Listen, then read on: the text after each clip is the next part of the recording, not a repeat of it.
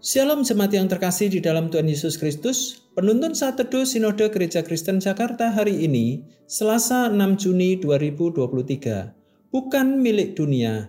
Yohanes 17 ayat yang ke-16. Mereka bukan dari dunia, sama seperti aku bukan dari dunia. Menyadari akan keberdosaan kita sering kali bisa mengejutkan, sedih, dan bahkan menakutkan.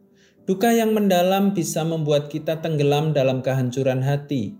Kita bisa jatuh dalam keputusasaan dan kehilangan pengharapan. Tetapi tujuan Roh Kudus adalah menimbulkan keinsafan, bukan kehancuran. Dia ingin kita tidak hanya menyadari dosa kita, tetapi juga datang pada Allah untuk mendapatkan pengampunan dan pemulihan.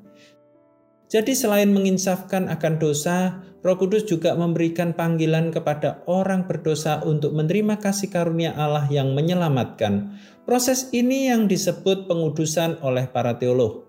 Pengudusan adalah proses yang berlangsung terus-menerus dalam hidup orang percaya sampai kita semakin serupa Kristus.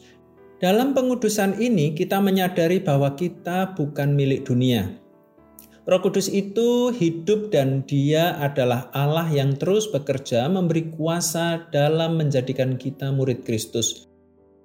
Menjadi gereja yang dikehendaki Yesus berarti kita harus mengambil bagian dalam rencana-rencana kekal Allah bagi dunia ini. Pembaruan bukan hanya berarti menemukan kembali diri kita.